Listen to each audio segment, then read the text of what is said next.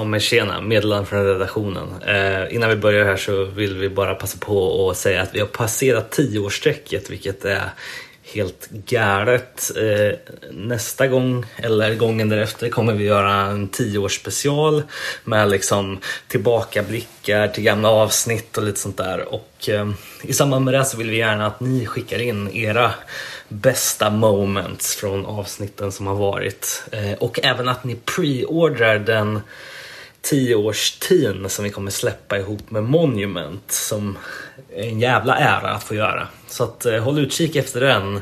Eh, skicka in era grejer till oss på sociala eller nere och eh, fan, tack för att ni lyssnar. And here we go.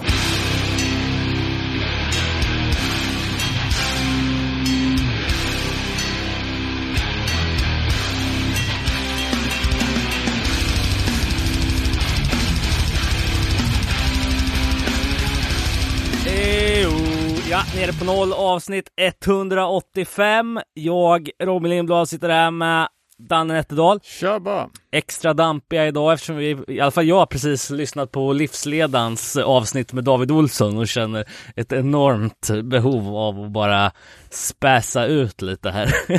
Men tips till er som saknar David i dagens avsnitt, gå in och lyssna på Livsledan. Han gör ett inhopp där i senaste avsnittet. Där David bland annat berättar om när han slarvar bort alla sina fem hemnycklar och får leva med lägenheten olåst i en månad innan han orkar ta itu med att fixa nya nycklar. Kul!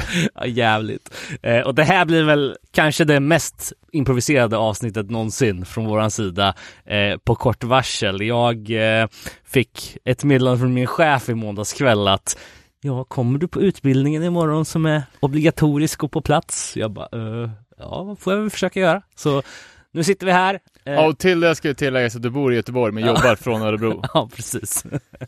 så att, eh, men vi har mycket att bita tag i. Eh, alltså en rätt dyster ton på den här dagen med tanke på att budgeten har presenterats, kulturen blir nersågad till fotknölarna, eh, klassiska spelplatser säljs ut och eh, ja, vi ska väl dyka in i det här lite senare i avsnittet där eh, jag pratar med Erik Hultgren från Dunderfest-crewet som har en lång relation med skylten och allt därtill eh, om stundande försäljning och eh, ja, vad fan som kommer hända. Jag vet att det är ett stort event där på fredag eh, för att protestera mot den här försäljningen. Så att eh, bor ni i Östergötland så i övrigt, vi har ju massor av eh, Hänt i veckan att ta itu med. Lite eh, feedback som kom in också. Jag såg att eh, Vonna Inget skickade en pre eh, lyssningslänk till deras sista släpp, True Romance, eh, som ja, ska avsluta bandets 13-åriga historia på topp, är det tänkt. Jädrars. Eh, de befinner sig ju nu på någon slags eh, avslutningsturné som, som pågår här och eh, det är våra kära vänner i Gaphals som, som släpper det här så att Ehm, det kan vara värt att, att kolla in. Jag vet också att eh, må, eh, no, det är väldigt interconnected där mellan Vonna Inget och det andra experimentella bandet de har, True Moon.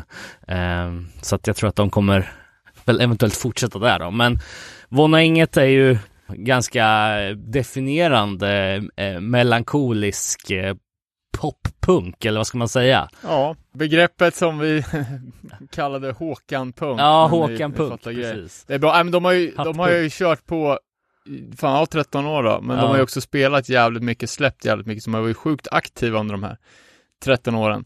Ska återkomma till lite band som inte har varit så aktiva, i, men äh, som ändå har funnits länge. Uh, fett band.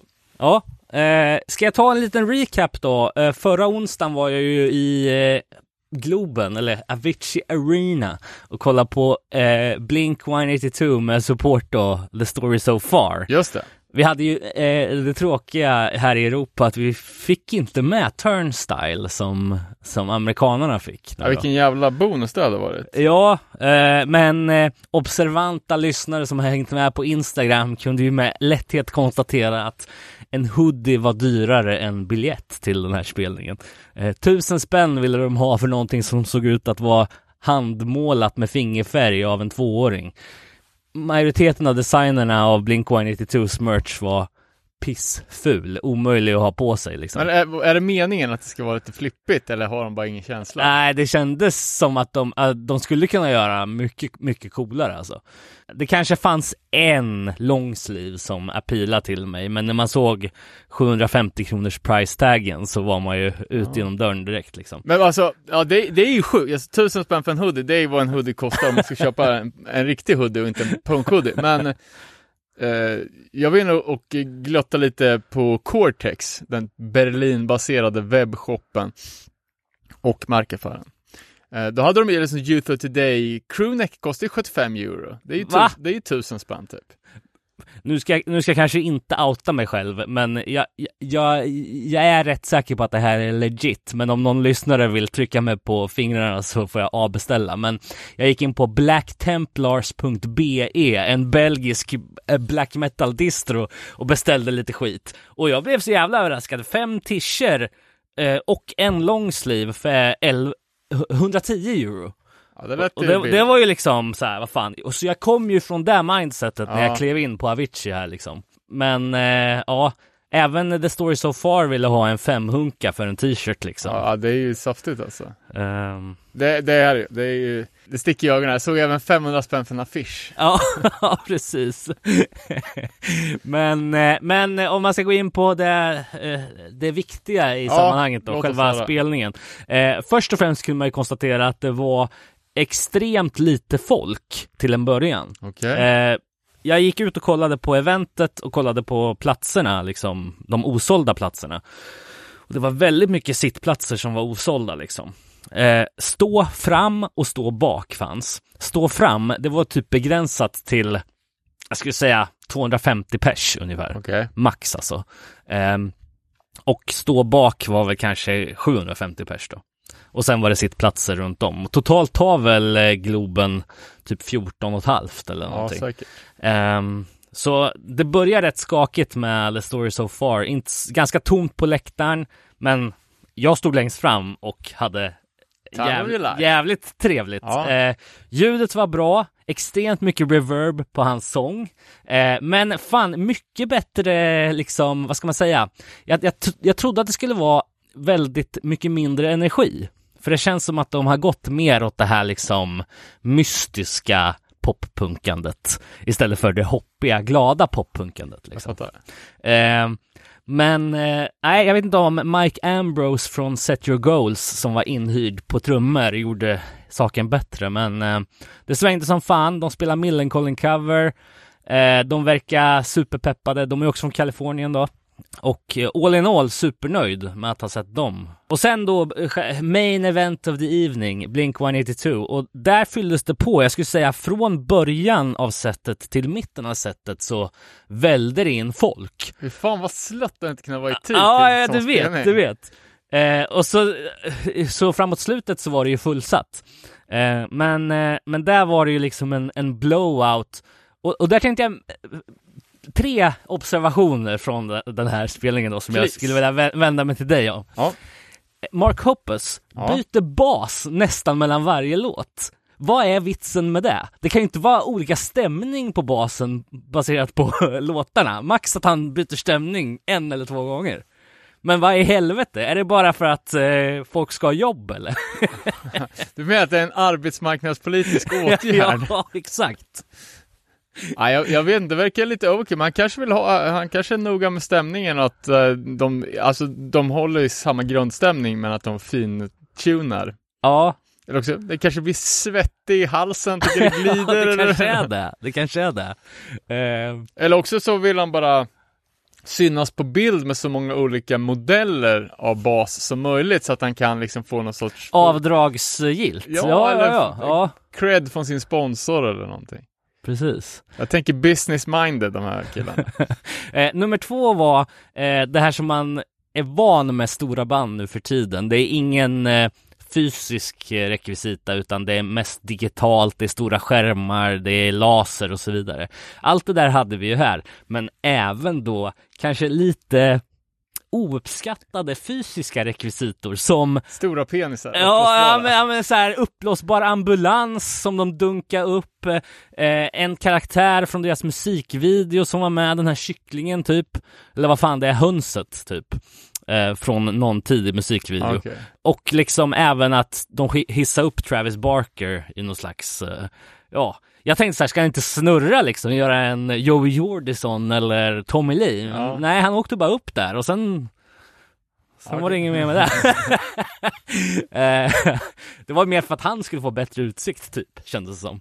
Men Eh, det har ju hänt mycket på uppblåsbar-fronten. Ja, För eh, alltså, ett tag så gjordes ju rekvisita liksom i, inte vet jag, wellpapp och plywood. Men det är mycket uppblåsbara stora schabrak liksom som kan göras ganska detaljerat. ja, Så även på Instagram häromdagen, att det var någon som har en uppblåsbar skatepark. ja, ja, ja, Med jävlar. bara ett toppskikt i något svintunn plywood. Åh fan. Det är ju så coolt. Ja, verkligen.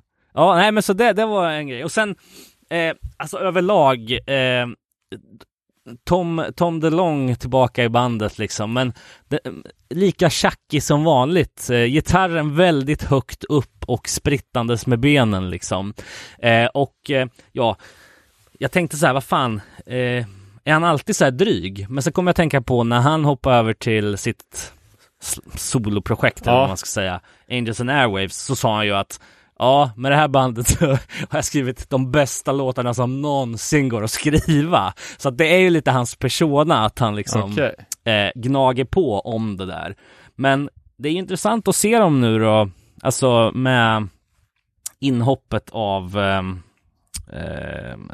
eller med, med tillbakagången med Tom DeLong och så, eh, att de verkar ändå ganska samspelta. De har jävligt mycket bra gnabb på scen. Eh, jag tyckte att både Mark och Tom sjöng jävligt bra. Eh, och Travis manglar ju på liksom. Eh, och eh, den, de spelar en ny låt eh, från kommande plattan nu som kommer 20 oktober på Columbia. Hur, hur lät det då? Ja men det lät som, som man vill att Blink ska låta. Ja. Typ. Eh, mindre, alltså det var det var lite melankoliskt men ändå liksom klassiskt Blink. Det var liksom som en logisk förlängning av Stay Together for the Kids eller Okej. Ja, men det låter ju lite som eh, kanske det Blink man gillar bäst. Ja, precis. Eh, men och, och sen eh, setlisten var ju, det var en salig blandning liksom, men jag tyckte ändå att alla fick möjlighet att glänsa. Tom med sin Alien Sexist och fick lite så här upprättelse. Eh, Travis gjorde många trumsolon och Mark Hoppus snackade om sin cancerdiagnos som han har besegrat för några år sedan och, och hur kul han tycker det är att vara ute igen liksom.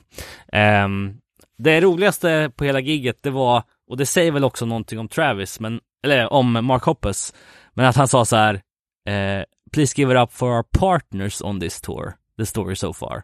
Inte liksom så här. Support act eller friends. Nej men precis. Eh, business partners.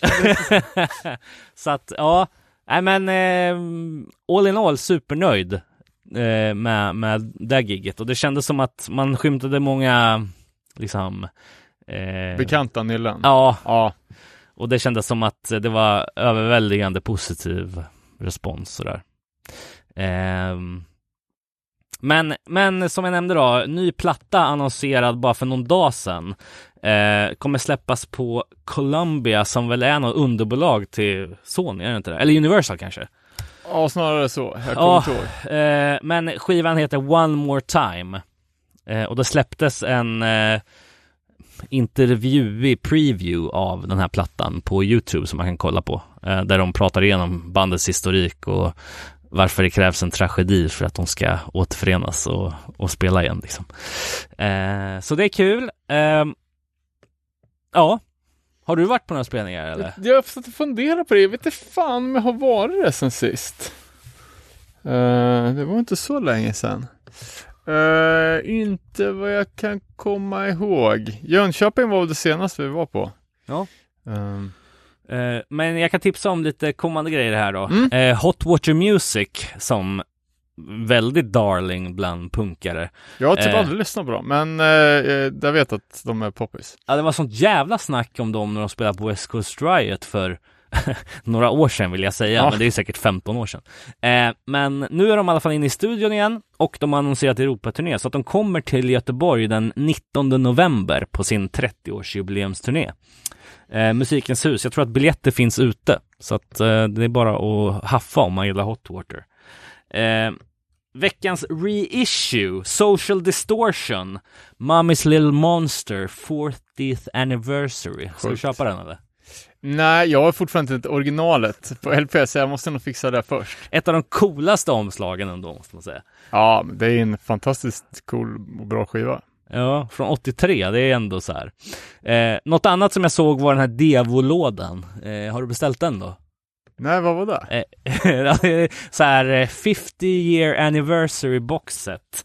Eh, 50 låtar, deep cuts, rarities, eh, kommer på fyra vinyler i en eh, Devo-box eh, som man kan eh, pre-ordra redan nu tror jag. Eh, finns, eh, jag vet inte vad den 50 years of de-evolution 1973 till 2023 50 songs and rarities eh, Man kan också få den på två CD om man föredrar det istället för fyra vinyl Men- Jag tycker inte det är så snyggt med boxar faktiskt. Jag försöker hålla mig undan från eh, vinylboxar så långt det går. Jaså? Svårt att sortera in.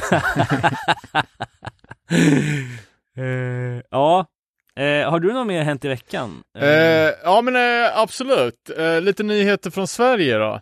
Eh, det eminenta hård hardcore-bolaget Negative Aggressions firar ju 25 releaser. Just det och steppar upp till LP-format och släpper eh, Pittsburgh hård eh, hardcore-bandet No Retreat.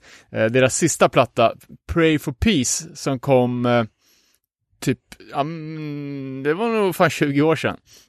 Och då bara på CD. Kommer nu då för första gången på LP.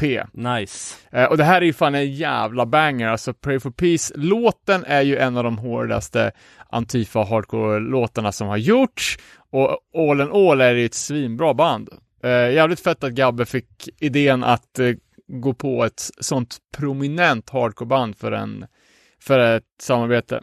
Eh, finns öppen för pre-order nu. Jag har inte styrt mitt eget ex. Det ska jag göra så fort vi är klara med det här. Nice Jävligt fett. Eh, såg även att han hade lite nya kassettreleaser som, eh, som var färska i pipen också. Kan man köpa på samma Backlash. Eh, sen då, lite spelningar i Örebro. Uh, Lowest Creature Release Fest. De släppte en ny låt, ja, det var väl en vecka sedan nu när vi spelade in det här. Uh, vad handlade? Under the Dark Night, va, hette den? Ja, precis Eh, lite nertempo, men eh, fortfarande jävligt bra. Är ju sjukt eh, välsvarvad crossover som, Mm. ah, fan, metalheads, punkare och hardcore kids älskar. Känns riktigt kul att eh, plattan är på gång ut. Eh, och de har releaseparty för det här 3 november på Club Fix i Örebro Nice kommer bli magiskt. Eh, och jag och David spelar ju med vårt skatepunkband Low Expectations på Club Fix den 20 oktober. Nice Eh, så vill man kolla retro skatepunk alla Lookout Records av eh, folk som faktiskt skater så kan man komma till Club Fix 20 oktober. Eh, och sen är det ju Örebro Punkfest. Ja, just Det det är ju bara två veckor bort. Uh, 6 och 7 oktober. Jävlar vad tiden går Ja visst, det, bör, det börjar med, med en jävligt spännande förfest redan på fredagen där med Inga Anor, magiskt bra, tillsammans med Seattle-baserade The Drowns. Oj jävlar Eh, lite ojstök sådär.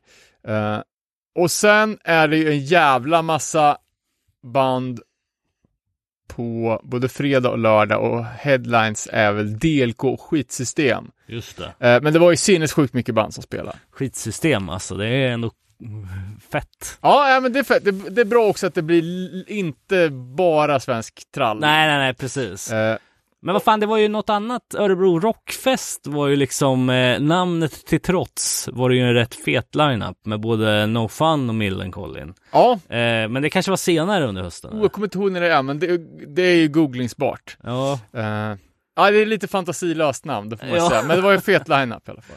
Eh, och på punkfesten så är det ju en tillhörande all ages show.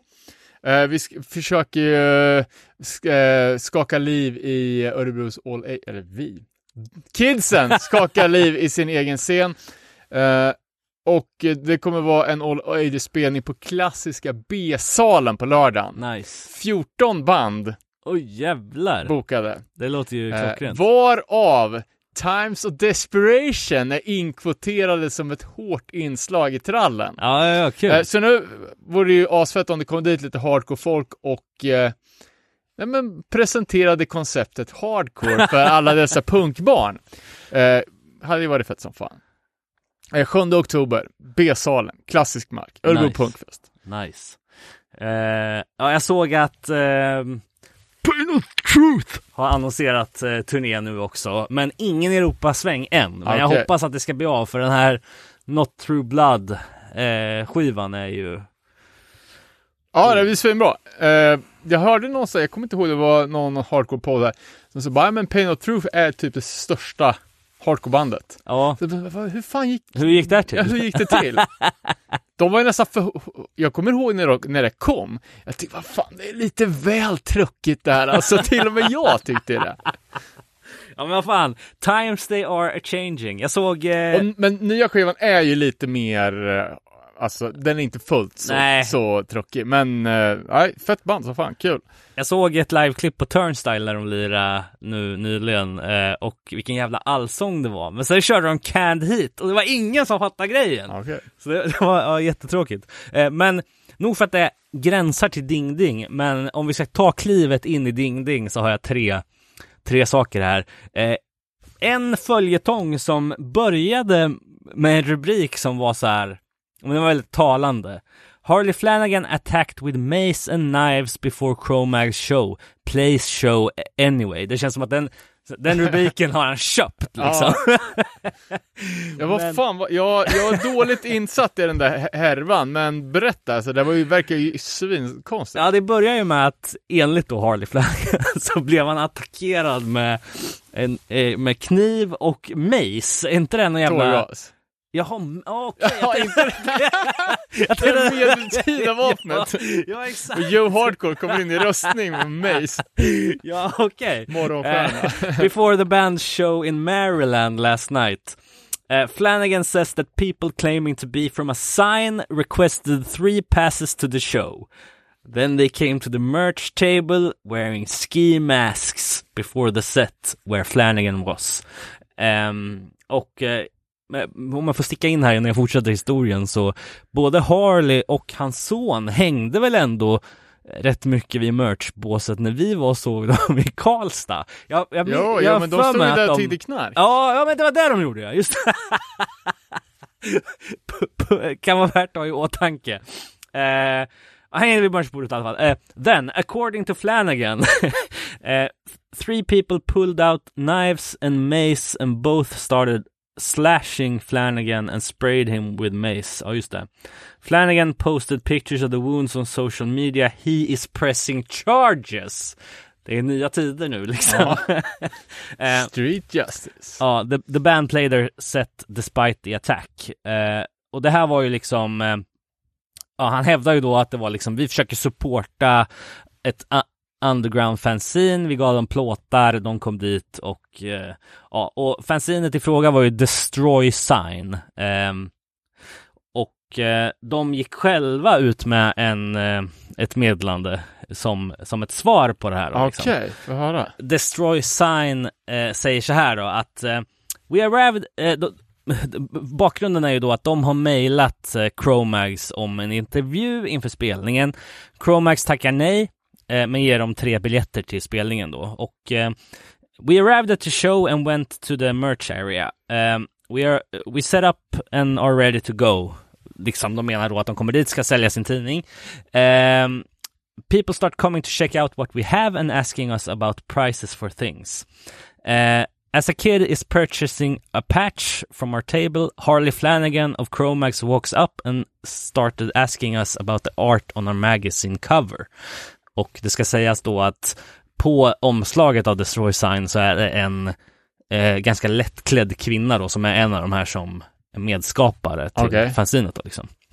Och eh, sen så enligt dem då så eh, Harley then slapped our female editor eh, editor's thigh multiple times and said to her, "Yeah, you better close those legs, little girl. You're sucking me in." Uh, uh, she exclaimed anxiously that she's in the on the back cover of the magazine, hoping to deflect the attention to anything else, to something else. In which Harley then replies, "Damn right you are. I'll see you later tonight." he then proceeded to say, proceeded to say that our magazine looks great and asked us to reserve a copy as he wants to see what we're up to. Ehm, och eh, sen, så kom, sen så fortsätter det här statementet då med att berätta med de ganska tragiska påståendet att Harleys nephew or son eh, eh then comes over and apologizes for Harleys actions. Um, och eh, ja, Eh, och sen så bara eh, eskalerar situationen beskriver de eh, och att det sen blir ruckus liksom för att Harley inte ville lämna dem i fred typ. Eh, Harley kontrar ju då ganska direkt med att säga I was slapped with a billy club. Vad nu det är, en batong eller? Ja, något sånt där. Eh, ja, och eh, the idea of assaulting a woman is reprehensible to me and it didn't happen and it wouldn't happen.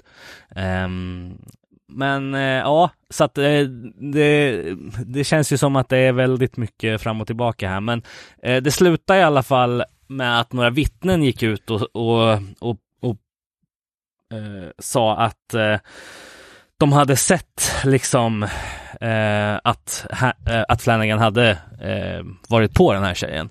Liksom. Eh, men att, eh, att det var för svårt att avgöra på håll, liksom, åt vilket håll det hade gått. Liksom. Så. så vi får väl se hur det här utvecklar sig, men det är ju jävligt, alltså båda har ju nu sagt att de kommer press charges, så att eh, ja, jävligt skum situation alltså. Att det Ja. kan es- eskalera sådär fort. Alltså, okej man blir förbannad, men det är ju också liksom en jävla risk att bara dra kniv på folk i USA. Jag Oh, tänker, det kan ju vara ett ganska saftigt fängelsestraff. Eller hur? När man också är liksom, har ju inga möjligheter att eh, liksom mörka vem man är om man har eh, sån tydlig avsändare på plats. Nej, nej, precis. Precis. Eh, Men alltså, eh, Harley, eh, han är ju eh, ett macho liksom, så Ja, det inte, jag blir inte jätteförvånad. Men alltid, alltså, han har ju alltid känts så jävla asexuell på något sätt, i sin jävla fucked upness. ja, Men, men precis. men fan, att han säger något olämpligt till en kvinna tycker jag inte verkar speciellt konstigt. Nej, verkligen. Alltså, vad fan säger han någon, någonting överhuvudtaget som inte är olämpligt till någon? Nej, men precis. Han är ju a bit out of it. Eh, för att fortsätta på samma spår, vi snackade ju i förra avsnitt om eh, den här härvan med Anti-Flag Just och eh, Just Insane som, ja, det kom ut en podcast, bandet annonserade att de skulle disbanda på direkten. Eh, men sen så var det ganska icke liksom bindande svar från övriga medlemmar. Va? Wait and see what happens, bla bla bla. Men nu har Rolling Stone Magazine gjort en artikel där 12 kvinnor till kommer ut och anklagar honom för Jävlar. eh, för skit liksom. Så att eh, nu har, ehm, nu kan man säga att eh, det liksom är helt och hållet bekräftat i alla fall där. Så att eh, burn in hell får vi säga.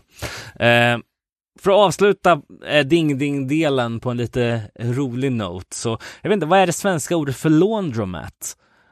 Vi Eh, har, vi har alla har ett tvättstuga. Tvättstuga? Ja, men det känns som att det amerikanska laundromat, det är liksom så här en liten kiosk där man går in och kan tvätta sina kläder. Typ. Ja, ja men alltså det, fin alltså det finns ju inte det finns ju inget kollektivistiskt tänkande i USA, utan då är det ju ett eh, betala för en egen tvätt, eh, Ja, men precis. ett, eh, en butik, eller som en, Ja, men precis. som en biltvätt.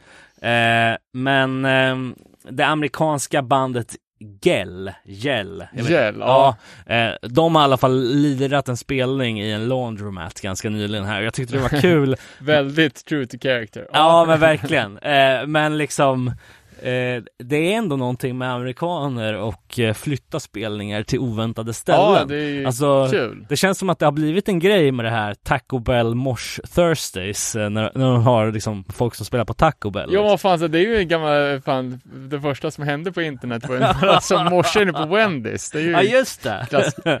Och snackar vi inte om de här finska slamnissarna som spelar utanför eh, så här public bathrooms? Det var toilet slam. Så stod de bara där och slam. Ja, körde sin, sitt toalettspolssång bredvid en toalett. Fantastiskt. Ja, det var kul. Nej men ehm, mer sånt. Ja, nej, jag vet inte fan. Jag har inte så mycket mer alltså eh, på, men vi kan, ska vi ta klivet in i den här skylten-grejen kanske? Eh, ja, absolut. Eh, för alltså, eh, Dunderfest går ju av stapeln här om ja, lite mer än en vecka. Vi spelar in idag, det är 20 september, men eh, 29 till 30 september så är ju Dunderfest på skylten till minne av Benis, eh, headline sista sekunden, hårda tider, Bonds of Trust Existence. Eh, man kan även plocka sekunderna Outstand, Axe, Rash, Nowheres, Crybaby och en jäkla massa mer eh, på den här feta festivalen. Finns biljetter på Tixter då. Men det går ju av stapeln på skylten i Linköping som nu under senaste veckorna har varit utsatta för eh, det, det moderata styret i eh, Östergötland som vill sleva iväg hela eh, verksamheten till en privat fastighetsägare. Eh, och igår klockan 13 så kom beskedet. Skiten säljs till ett privat eh, fastighetsbolag då. Ja, det var ju slut med gigs där då. Ja, säkerligen. Nu blir det ett eh, Espresso House och Ja. ett Nordic Wellness. Typ. Jävla keff. Eh, men eh, ja, för, för att eh, gräva lite i det här och vad som nu kommer ske så ringde jag upp Erik Hultgren från arrangörsgruppen som står bakom Dunderfest och eh, ja, en person som har en jävla historik med skylten liksom. Den som fick dit mig för första gången bland annat. Så att, eh, ja, vi klipper till det och sen kommer vi tillbaka med lite avslutande ord.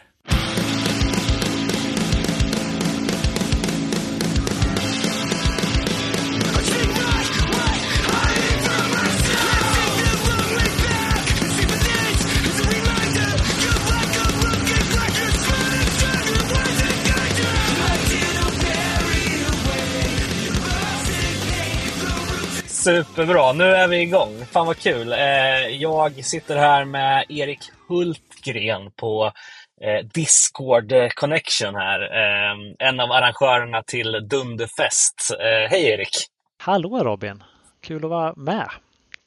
Ja, men vad roligt att du kunde ta dig tid här. Och jag tänker att vi ska börja med det som är liksom mest akut här. Eh, de senaste, jag vet inte hur länge det har varit aktuellt, men det har ju varit på tapeten de senaste veckorna i alla fall, det här med att fastighetsbolaget från kommunen som äger skylten och eh, det området har bestämt sig för att sälja det till en privat fastighetsägare. Eh, och som jag förstod det så blev det helt 100% klart igår. Vad, eh, vad var din reaktion på det? Eh, ja, jag tycker att det är för jävligt eh, att kommunen inte väljer att behålla eh, sån här bra kulturmark inom sig, sig själv helt enkelt, eller sin verksamhet, utan att man hänvisar till att eh, det här bolaget som de själva äger eh, har gjort klart fastigheten, att den nu är färdig och att de har uppgraderat den så mycket som de kan och så vidare. Då ska de bara sälja av den. Det känns mer som att Ja. det är någon skumraskaffär för att sälja till någon jävla kompis någonstans. Ja, men precis. Det är ju käns känslan man får. Alltså. Men eh, alltså, jag, vet, jag minns inte riktigt när det var, om det var 2016 eller 2017 eller sådär. Men då var man ju på någon slags nylansering av skylten. Tragedy lira och det var liksom nu ny lokal, upp, eller uppgraderade lokaler eller renoverade lokaler, nya spelrum och så vidare. Eh, men sen så, det höll bara i x antal år. Sen var det dags att göra sig av med det. Liksom. Det, det är så himla sjukt att nu när verksamheten äntligen börjar komma igång på riktigt så bestämmer man sig för att göra sig av med den. Ja, det är fem år sedan här, för det var femårsjubileum också samma vecka som de gick ut på att de skulle sälja, vilket är fantastiskt kul. Och de har ju typ skyndat igenom den här affären och den har inte lyfts i kommunfullmäktige alls utan styrande politiker har hänvisat till tystnad och bara smusslat under bordet och skyllt på fastighetsbolagets direktiv som de kan styra eftersom de äger det här fastighetsbolaget. Helt underbart är det. Äh, fy fan. Och, och, och vad, är, vad händer i veckan i Linköping liksom, som en reaktion på det här? Det är ju ett arrangemang på fredag som skulle vara ett Rädda skylten-arrangemang. Nu när de har drivit igenom det här redan så blir det väl mer så här belysa kulturen som sker på skylten. Så att det är mycket liveakter och det är väl lite konstnärer och sånt där. Det är inte helt hundra insatt. Det är City, City to City som står bakom det hela. Med Kai och Patrik i gaphals i bakgrunden. Ja, ja, ja. Vi får hoppas att eh, de tar sig i kragen och, och reverserar beslutet. Men det är lite av en chock alltså. Tycker jag. Ja, ja, det kom från ingenstans, det gjorde det verkligen. Eh, och vi blev helt tagna på sändningen. Och sen att de driver igenom det så fort får en verkligen att tänka att det är något jävla fuffens bakom. Precis. Men det här är ingenting som ska ta musten ur det som händer nästa helg på skylten, nämligen Dunderfest. Det är ju en späckad line-up alltså. Um, hur, hur har liksom känslan varit sen förra året, debutåret fram till nu då? Eh, vi var ju höga som hus på av lycka efter förra året. Det var ju en fantastisk tillställning redan då. Eh, och då hade vi bokat grejer vi ville se och som var lite i ropet kände vi, alltså saker som folk peppade på. Eh, men tills i år har vi försökt bredda det väldigt mycket mer, att det ska vara åldersblandningen ska vara större. Så att det inte bara är av gubbar för gubbar. Det kändes lite så förra året. Eh, och könsspridningen ska vara större också. Att det, ska, för det är inte 50-50 men ambitionen är alltid att det ska vara 50% killar och tjejer på scenen. Liksom. Så att det är väldigt mycket, det är lite spretigare line-up i år än förra året tror jag. ja, men alltså det är ju eh, något för alla kan man väl säga. ja, det är det men, eh, helt klart. men vad fan, det är, det är kul för eh, utöver då eh, liksom de här dunderbanden som ni har som headline, liksom Hårda Tider Bonds Reunion-ish, ja. Sistan och, och Existence liksom. Så kör ni också lite så här, ja men det är en förfest med bokrelease. Ja, det stämmer. Vilket, och sen också lite så här, ja men livepodd i år igen, food truck och sådär. Liksom, det, blir, det blir mycket runt omkring också. Ja, vi vill ju göra mycket med det. Vi har ju en ambition att det ska vara lite mer levande än bara en spelningskväll liksom, eller en festival så. Med loppisen och poddarna och sen blev ju det här med bokreleasen, det var ju bara en slump egentligen för David som har skrivit den här boken om svensk råpunks födelse och hardcore-födelsen ur det. Han är ju härifrån trakterna och sen så har han kommit på våra AVs och sen föddes ett frö där för några veckor sedan så jag styrde upp det i veckan. ja men fan vad nice. Eh, råpunkens eh, uppläxning under, det är 81 till 89 eller vad fan ja, är det? Ja precis, ja och så här hardcore födelse i Sverige genom råpunken liksom. Fan vad kul! Jag, eh, jag funderar också lite på eh, hur, hur ni kom i kontakt med den här foodtrucken. För det känns ju som att det är jävligt pepp, pepp med en punkig foodtruck. Liksom. Ja, vi får väl se hur det blir med den. Jag är inte helt insatt i den, men senast jag hörde något så hade den tyvärr fått ställa in. Jag vet inte hur det stämmer. Eh, ja, så det är lite sådär på grund av strul med fordonet såklart. Ja, ja, ja såklart. Så att, eh, men skylten har lovat att de ska styra upp eh, trevligare mat än förra året. Att, eh, så att jag har sett en meny och den ser, den ser kul ut. Kommer ni köra samma upplägg med scenerna? Ja, det blir två scener och sen de sista banden båda dagarna kommer vi köra på stora såklart för att det är ju headlinebanden. Men annars mm. så varvar vi mellan lilla och stora, precis som innan. Just det. Vad, vad ser du mest fram emot? Ja du, inte att laga mat i alla band i alla fall. Nej men eh, Bonds ser jag såklart fram emot asmycket. Det var länge sedan jag såg. Eh, Axe Rash har jag velat se hur länge som helst så det ska bli kul att se. Eh, Nowheres vill jag alltid se för att jag tycker att de är så jävla svinbra verkligen. Så att det, det ska bli väldigt kul att se dem igen. Men jag gillar många av banden vill jag se. Ja, alltså eh, det känns som det kokar lite i, i Linköpingsscenen igen. Även de gamla ger sig ut igen med alarm och så vidare. Ja. Eh, vad, vad bör man hålla koll på liksom från Linköping nu inför, inför den här spelningen? Eh, ja du, Second Act har ju inte spelat. De spelade inte på förra festivalen, men de har ju spelat lite i stan sen eh, mm. de bildades. Och det är, de är inte heller purfärska, de är alla runt 40. Det är väl det nyaste och hetaste bandet så. Eh, det är lite en blandning av olika. Men det är ganska tungt, eller ganska tungt, det är inte tungt som Existence, men det är lite tung, tyngre liksom. Eh, annars är det inte, vi försöker få massa kids och peppa. Det är mycket trallpunk i den här stan. Det är inte riktigt där vi hänger. det är lite som i Örebro då. Det är också trallmecka liksom. Ja, det är mycket. De gör spelningar på en kvarter, kvarterskrog som heter 55 här. Då är det massa punkspelningar då och då. Ah, okay, som okay. vi inte varit på någon av oss. Det får vi skämmas över faktiskt. Men jag vet ju att du har ju eh, grunderna i eh, liksom 90-talets tidiga Linköping Hardcore-scen med med diverse arrangörsföreningar under bältet. Men vilka är det som styr Dunderfest? Är det liksom både nya och gamla ansikten eller? Det är ju jag, eh, Erik, och sen så är det ju Hen Henrik Lindqvist, Outlast-sångaren, mer känd som. Han har ju varit med och han styrde Bridge of Compassion och han styrde Oljud också ett tag innan det ner. Och sen så är det Mattias Grane som sjunger i Nowheres.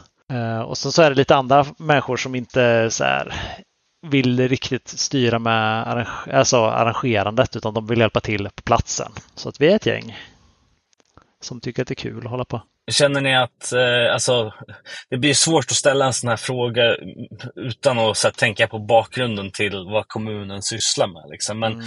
men eh, känns det som att de har stöttat er bra hittills? Liksom. Eh, kommunen har vi faktiskt haft, förutom att vi lånar deras lokal, då, så har vi ingenting med dem att göra. Vi har inte sökt några bidrag från dem hittills. Eh, det som vi får stöd av är Sensus. De hjälper oss väldigt mycket.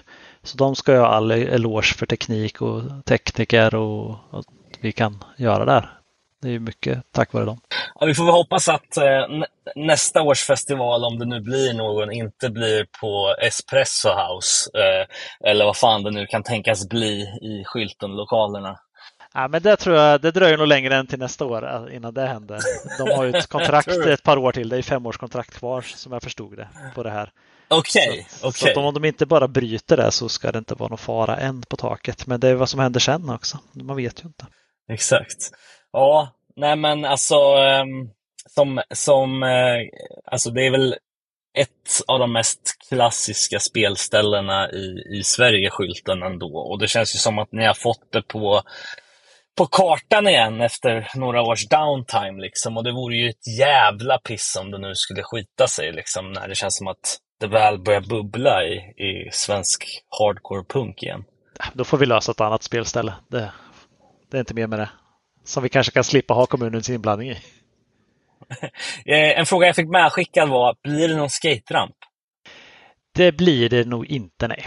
Det har jag hört att det blir tyvärr ingen skateramp. Det var ingen som kunde ta tag och flytta den. Men man får gärna skata på innergården ändå. Ja, men fett. Eh, är det något av de andra banden på line-upen som, som du vill säga någonting om? Alltså jag var lite osäker på det här Prisau. Ja. Är, det, är det något lokalt eller är det liksom Nej, något, det är ju eh, delar av Axe Rash eh, som spelar där. Så är det på portugisiska. Åh oh, fan, coolt! Ja, ja det är stökigt, stökigt då antar jag, om ja, det, det går i Axe Rash-stil. Ja. Det är en Granebokning så att den får han stå för. Ja, ja, ja. ja men fett. Eh, och sen så punkloppis på, eh, på lördagen också eller? Ja, precis. Mellan 15 och 17 och eh, den får ju alla som vill sälja på. Man behöver bara hojta innan så vi vet hur mycket bord vi behöver. Genom att mejla oss eller ja, skriva till oss. Då ska jag rota i den gamla merch-lådan. Eh, men kul! Alltså, eh, vi, det, vi vet att det kommer minst no, någon Eh, eller tre eller fyra bilar från Örebro i alla fall. Eh, och man kan väl räkna med något samma sak från Göteborg. Eh, men, eh, ja, men vi ser fram emot nästa helg i alla fall. Ja, och hoppas att det, att det går, går bra nu. att folk tar och köper biljett. De finns på tixter.com och det är rena brakpris, 250 spänn för en riktig jävla helg i hardcorens tecken. Så är det. Kunde inte sagt det bättre själv. Eh, har du något, eh, ska också passa på att fråga, om eh, folk vill komma både fredag och lördag, tips på boenden eller annat för att lösa liksom, logistiken? Oj, nej, tyvärr inte. Vi har väl bokat upp Ljungsbros vandrarhem till fullo här, men annars kan man kolla där ute om man har bil, för det var inte dyrt. Då får man åka en liten bit. I övrigt så är det då tyvärr hotell eller kompisar som gäller. Det är ju en jävla skitstad det här. Ja men svinbra. Eh, fan vad nice att du var med Erik. Fick vi en liten update i alla fall och sen så hörs vi nästa helg. Det gör vi. Tack så jättemycket för att vi fick komma.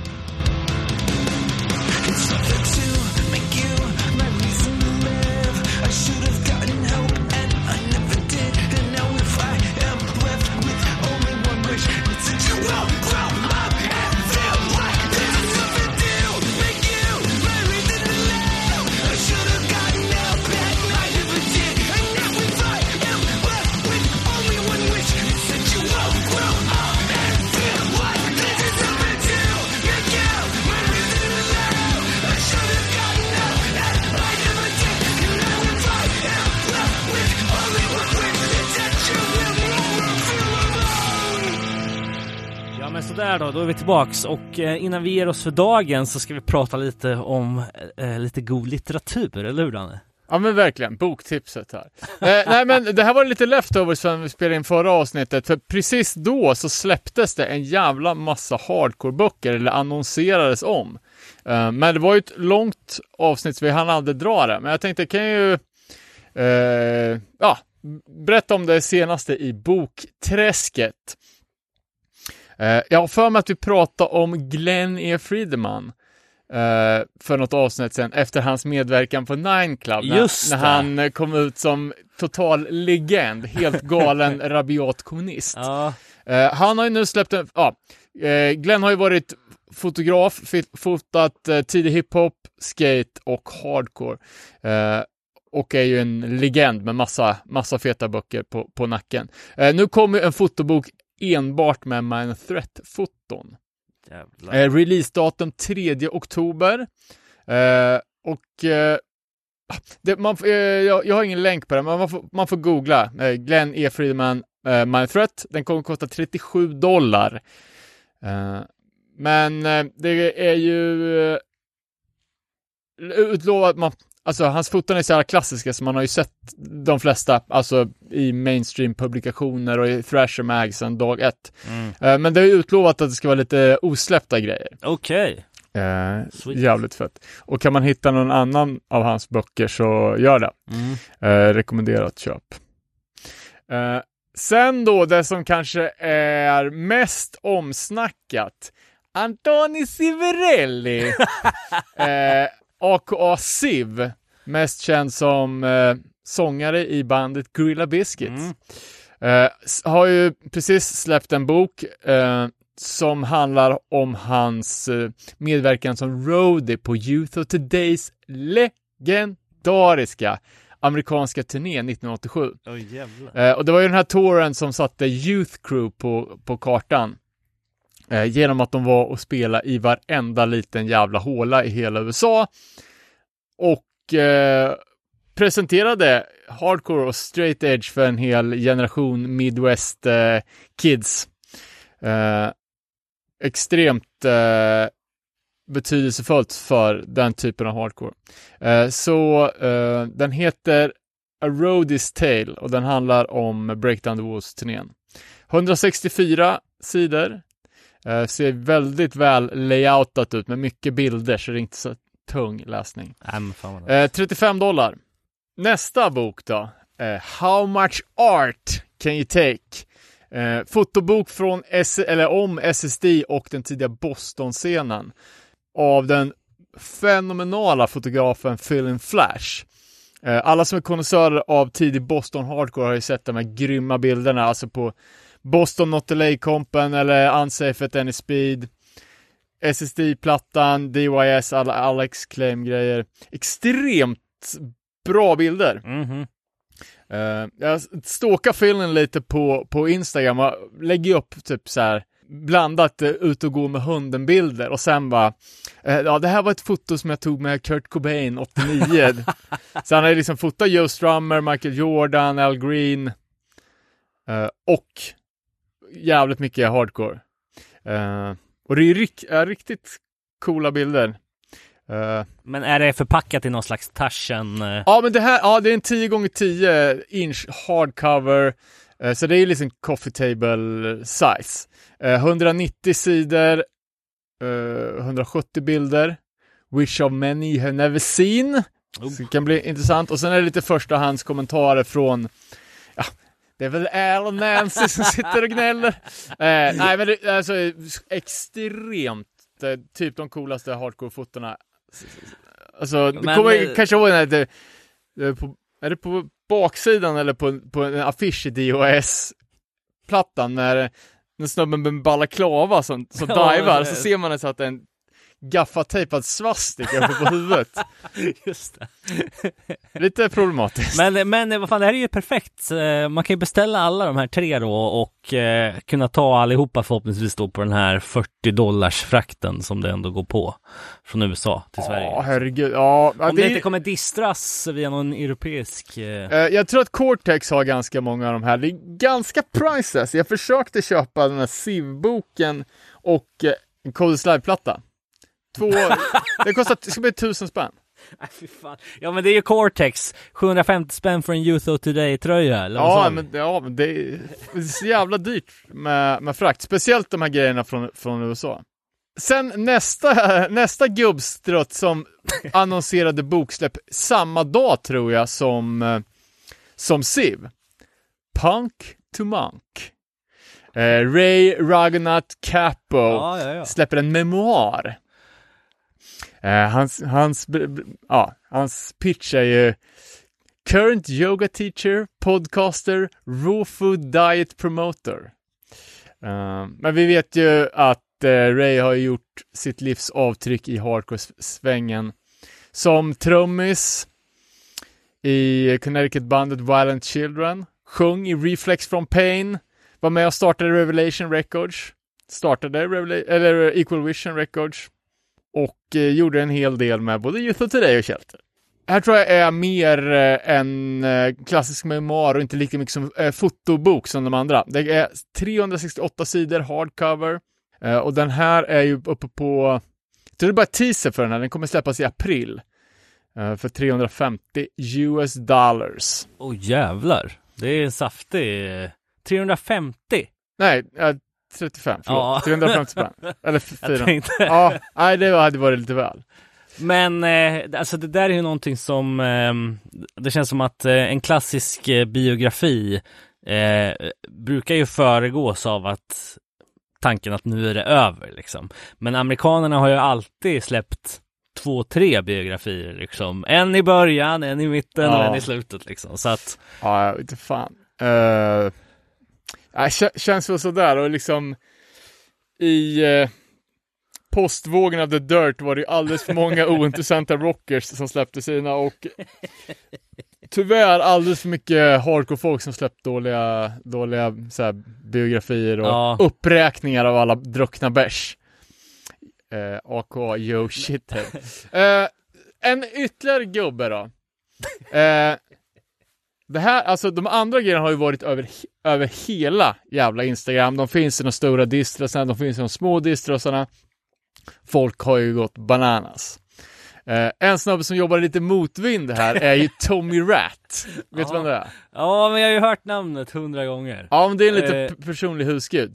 Det här är ju mannen som uppfann New Hardcore. Ja, ja, ja. Uh, spelar med Rat Poison, bandet som blev Warzone, han spelade med Psychos, han hade sitt egna band Trip 6 uh, och slutligen då Rejuvenate. Extremt underskattat New Card. Sluta skriv.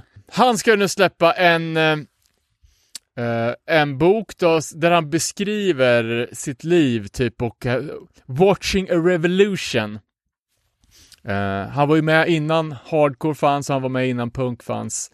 Eh, ett New York-kid som var med där från dag ett och såg alltihopa. Rätta mig om jag har fel, men var inte han med på den här, eh, beryktade New York eh, Central Park-spelningen. Jo, det kan det vara. Eller, Ja. ja, att han hoppade in. Jag tror att det var där Ja, vi okej. pratade om honom senast. Eh, ja, och han är ju även med, han- det är hans claim to fame tror jag, att han var med i New York Hardcore-dokumentären som kom där, 99. Ja, just det. Eh, han har ju även spelat på skylten, Ja. Eh, i, i kaféet. De sålde inte tillräckligt mycket biljetter för att fylla vanliga stället. Ja, är... Turnera utan basist. Legender. Kan ju vara, vara värt att kolla upp. Sen då, det sista som är här, den här, tveksamt om jag kommer köpa den. Brooklyn Hardcore. Eddie McNamara. Åh fan. Nej, vad är det här då? Jo, det här är, ehm, det här är skönlitteratur. Jaha. Det är bara en... Känner du till Richard Allen? Nej. Det var ju en så här, pulpförfattare på 70 och 80-talet som skrev mycket så här kiosklitteratur i skinhead-tema. Okej. Eh, släppte typ säkert 18 skinhead-böcker på 70-talet. Eh, med den här karaktären Joe Hawkins, som liksom var hans sagofigur. Eh, En, en eh, husgud hos han eh, författaren till den sista punkaren kanske? Ja, ja men det här är, det här är li, lite samma, alltså ren fantasi, fast, ja. fast det handlar liksom om punkkaraktärer. Eh, men den här Joe Hawkins-karaktären då vart ju liksom sen en, en skinhead-legend och band som Oppressed har gjort låtar om Joe Hawkins. Okej. Så att det har ju liksom satt sig i den riktiga kulturen. Det här är då ett försök att göra något liknande i hardcore-kontext. eh, baksidestexten. One unlucky punch. One Nazi skinhead who never got back up. The life Queen had built from junkyard scraps uh, disappeared in an instance. After two decades in prisons, Queenie returns to a different Brooklyn. The gang is gone. Hip hipsters has replaced street punks. Och här börjar då berättelsen om Queenie som ska, jag vet inte, glida runt och vara lite tuff och lägra tjejer och eh, Ja, ja, ja. sakna the old New York. Brooklyn Hardcore. Den är redan ute, eh, släpptes eh, i somras, den finns köpa bara 15,30 US dollars.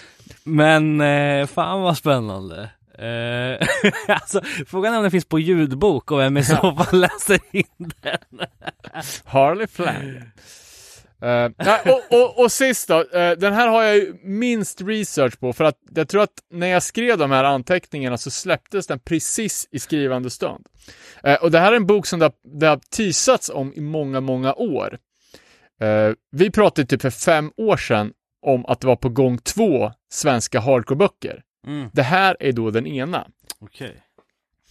Eh, och boken heter Råpunk eh, och handlar om den svenska hardcore-eran 81 till 89. Mm.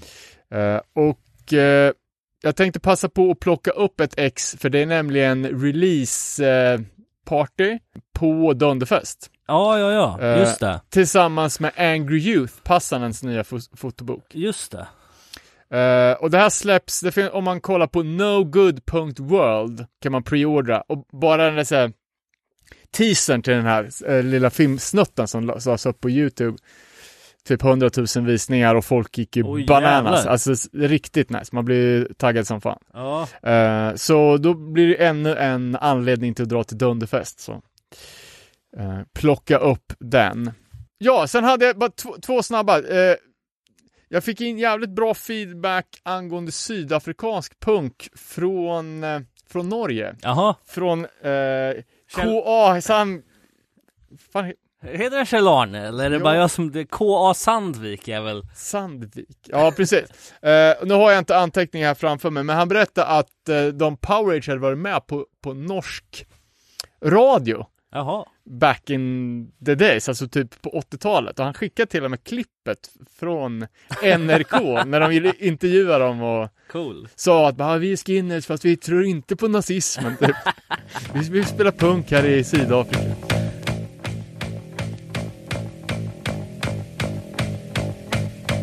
Freedom or war. Freedom for the rich. Freedom for the poor. Freedom for the blacks. freedom for the whites, freedom for the people who believe in rights, human rights, human rights, human rights are God-given rights. Freedom is the right of all mankind. Freedom for all.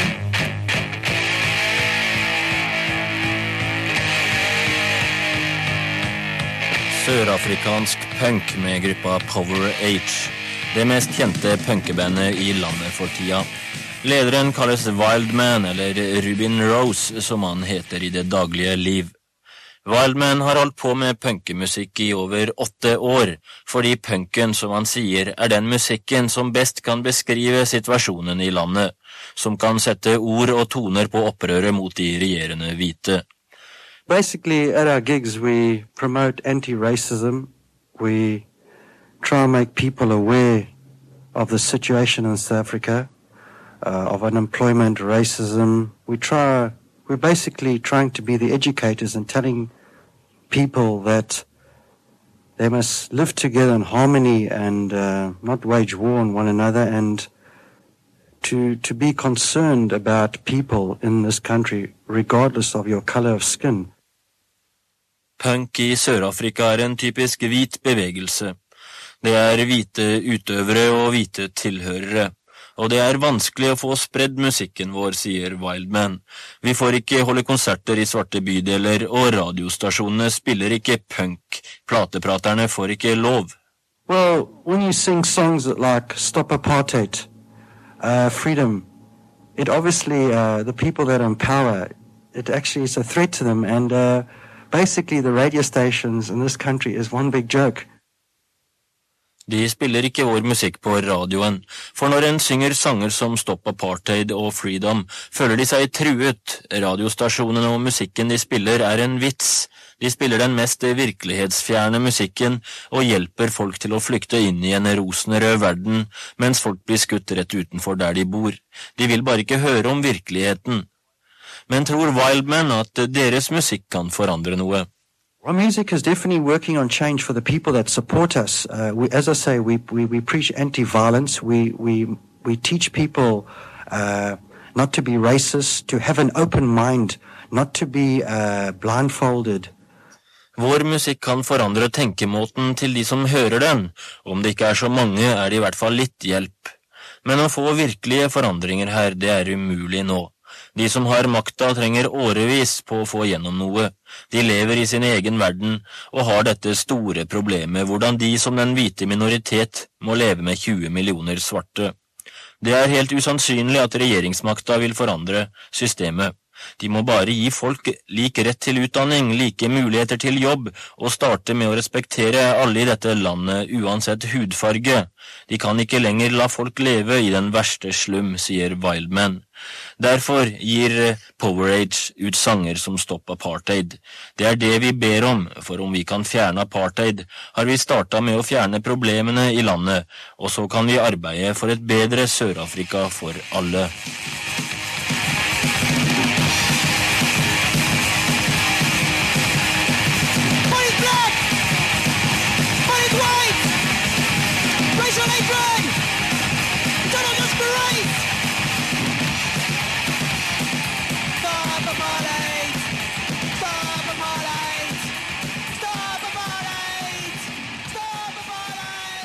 Ja, kul.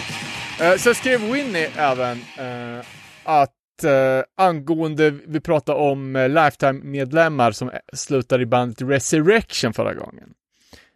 Då skriver Winnie, ja, Ari Katz var inte den enda från Resurrection som hamnade i Lifetime. Damn German var också med.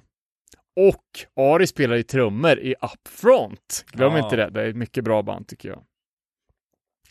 Och Winnie kör ju sitt eh, vegancafé, Fulls of Vegan, eh, och har ju bjudit in oss för att göra kanske en livepodd eller något kul i framtiden. Så nästa gång vi är i Stockholm så får vi hitta på ett kul event där på Sveriges bästa café. Ja, lätt alltså. Det börjar, bli, det börjar lätta för mig nu eh, med min, mitt restillstånd.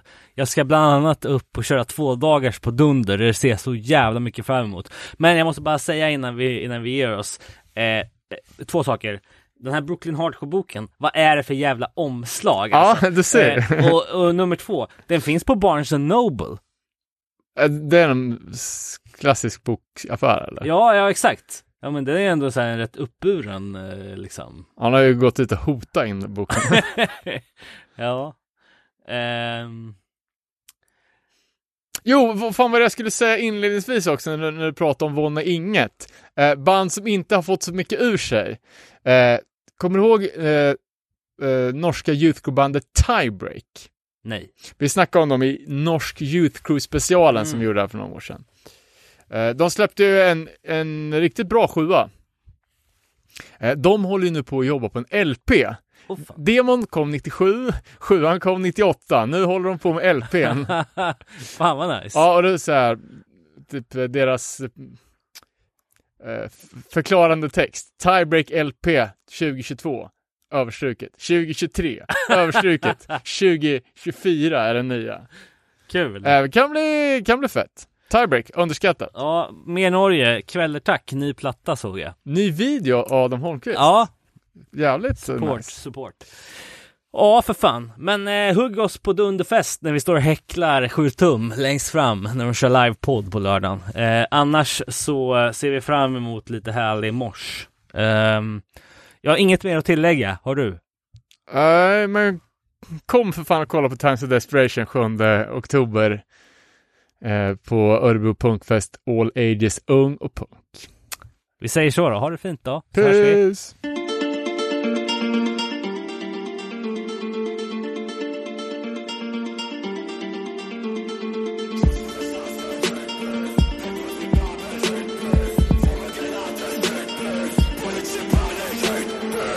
Okay, okay, du bist eine Nummer auf der Straße. Warum hast du deinen Bruder dann verraten? Warum bist du eine Fotze mit Puder in der Nase? Ich erzähle von Schmerz und Kummer, den wir haben. Gefangen im Labyrinth des Lebens. Ertränk im Käfig, versick im Nebel. Verbringe meine Zeit, hier bestimmt nicht ewig. Mit Durchratten und verfickten Seelen. Sie wollen sich messen, mich testen, es versuchen. Ich schätze, nahe Zukunft wirst du letztendlich verbluten. Analysiert, observiert, denn du bist eine echte Hure. Wenn zu schnell es geht, dein Ticket aus diesem Dreck noch buchen. Jungs von der Straße, Straight Beef.